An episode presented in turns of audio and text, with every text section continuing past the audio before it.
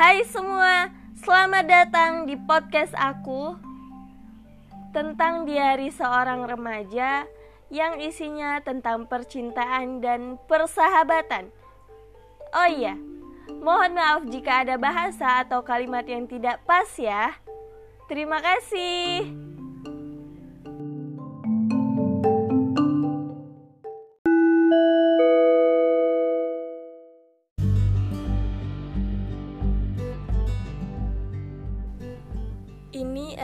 Hari pertamaku di tempat yang biasa disebut remaja berseragam putih abu-abu sebagai nerakanya dunia.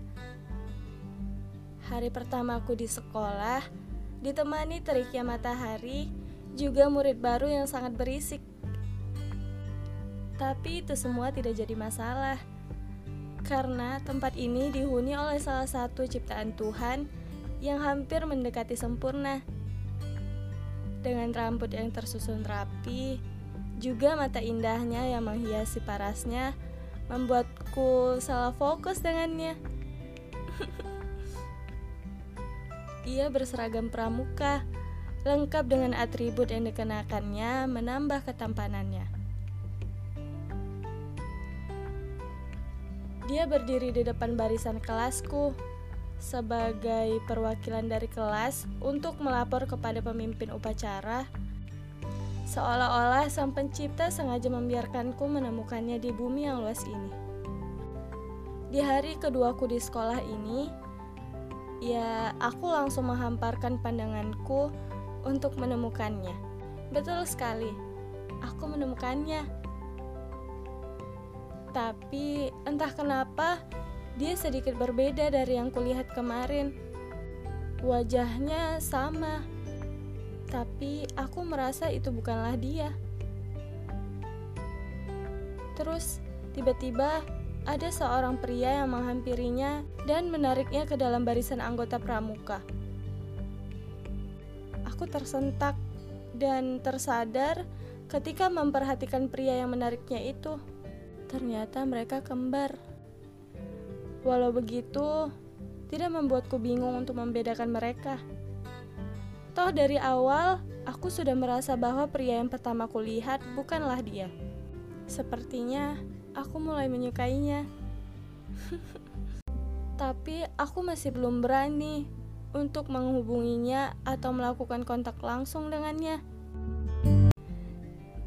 Aku hanya selalu memperhatikannya, mencari tahu latar belakangnya, stalking sosial medianya, dan banyak lagi hanya untuk mencari tahu segala sesuatu tentangnya.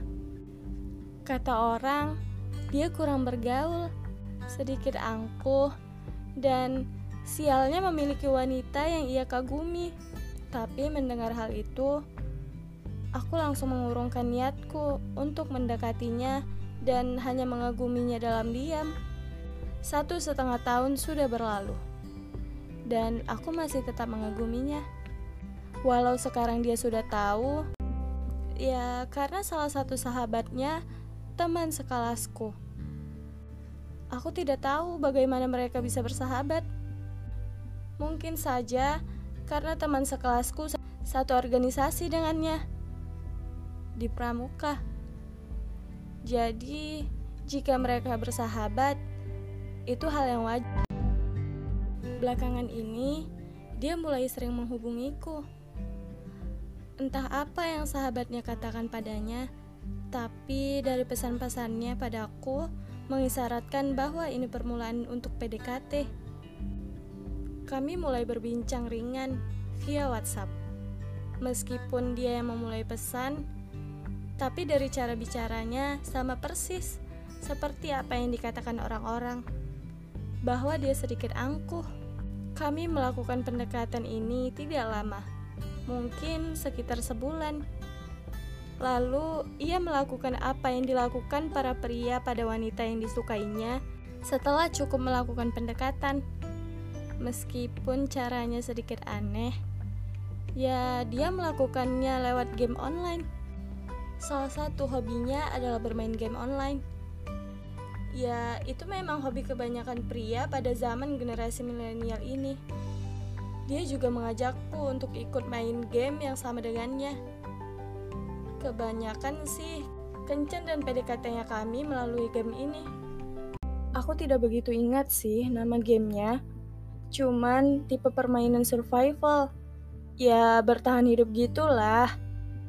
Di dalam permainan itu, dia mengajakku untuk masuk ke rumah yang telah dibangunnya bersama kembarannya dan sahabatnya yang ikut bermain di game itu.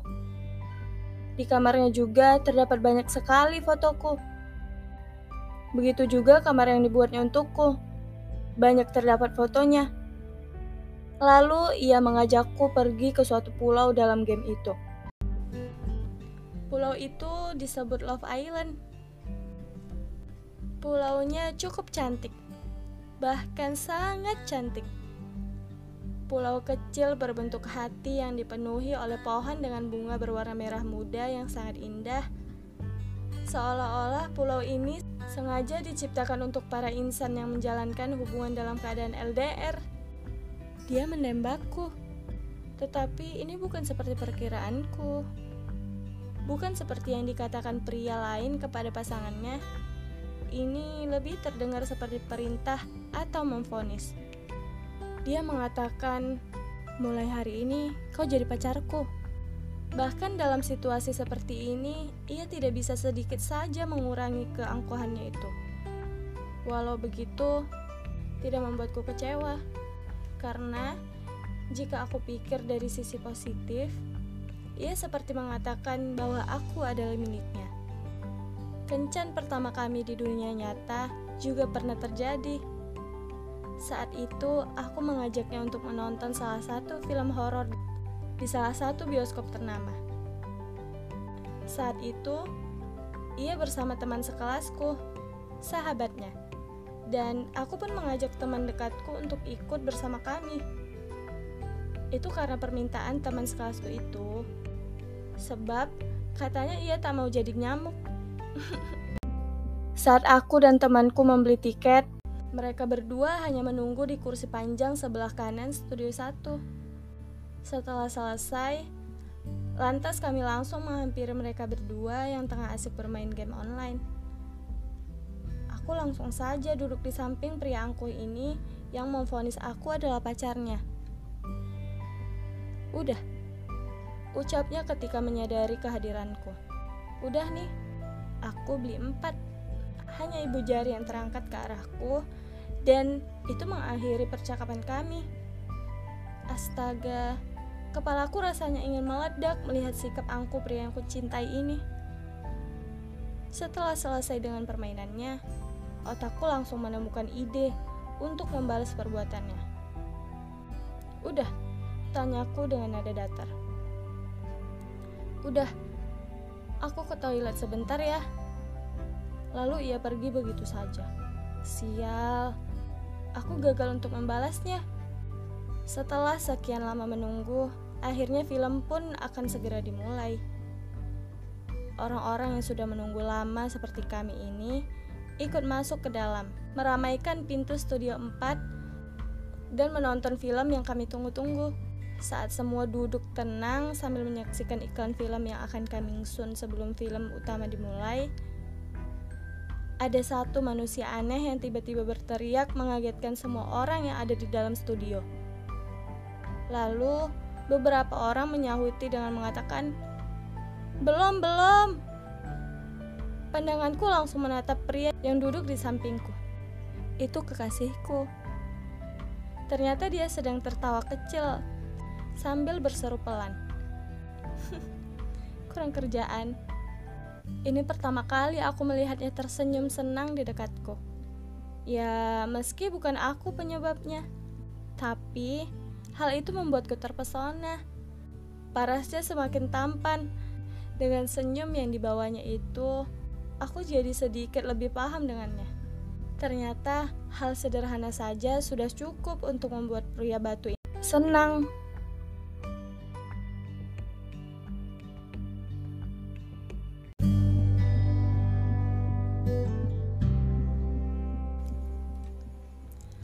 Akhirnya film pun dimulai. Aneh banget. Bisa-bisanya ia bersikap biasa saja saat menonton film horor yang kurasa ini sangat menyeramkan. Sampai aku berpikir, bagaimana sang pencipta bisa menciptakan makhluknya yang satu ini? Di saat semua orang histeris, ia hanya diam dan tenang, seolah-olah film yang sedang kami tonton adalah layar kosong. Kagetku. Kagetku saat melihat ada hantu pada layar bioskop dan sontak saja aku langsung mengambil pundak pria itu agar menutupi pandanganku dari film yang sedang kami tonton. Anehnya pria ini malah risih dan menghindar. Pria macam apa yang kau kirim ini semesta?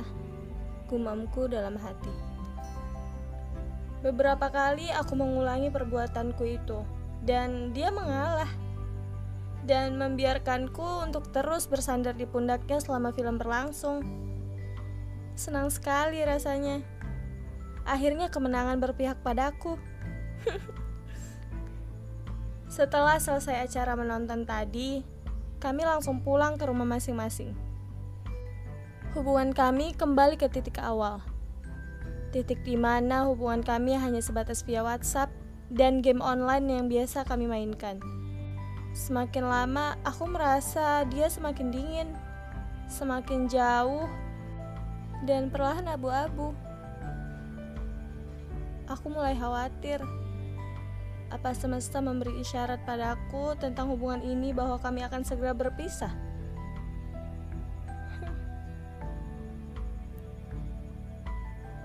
Aku mencoba cara lain, seperti tidak menghubunginya selama seminggu.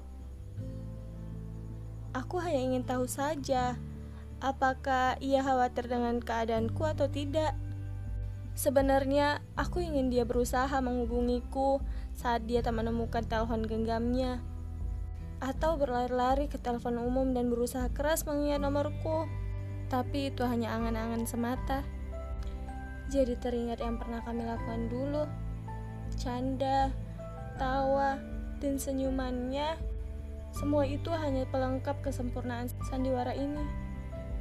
Aku mulai merasa mencintainya adalah sakit hati yang disengaja. Terus, aku mendengar kabar mengejutkan dari sahabatnya yang teman sekelasku itu tentang pria itu. Ternyata ia mulai menjalin komunikasi lagi pada wanita yang dikaguminya sebelum kami menjalin hubungan. Aku sangat kecewa dengannya. Sekarang semakin terasa seperti debu yang dihempas pelan ke permukaan kosong. Menyakitkan, mengecewakan, menyebalkan. Ah, entahlah. Semuanya bercampur aduk. Semuanya blur.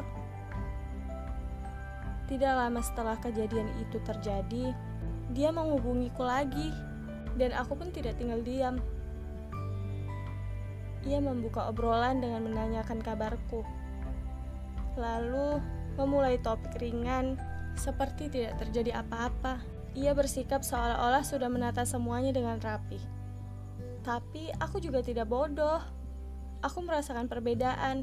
Sepanjang pembahasan ringan kami, semua terasa datar. Sangat datar.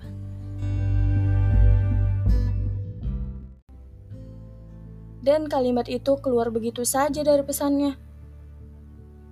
Cinta gak bisa dipaksain, dan cinta gak bisa direncanain. Iya, paham. Balasku.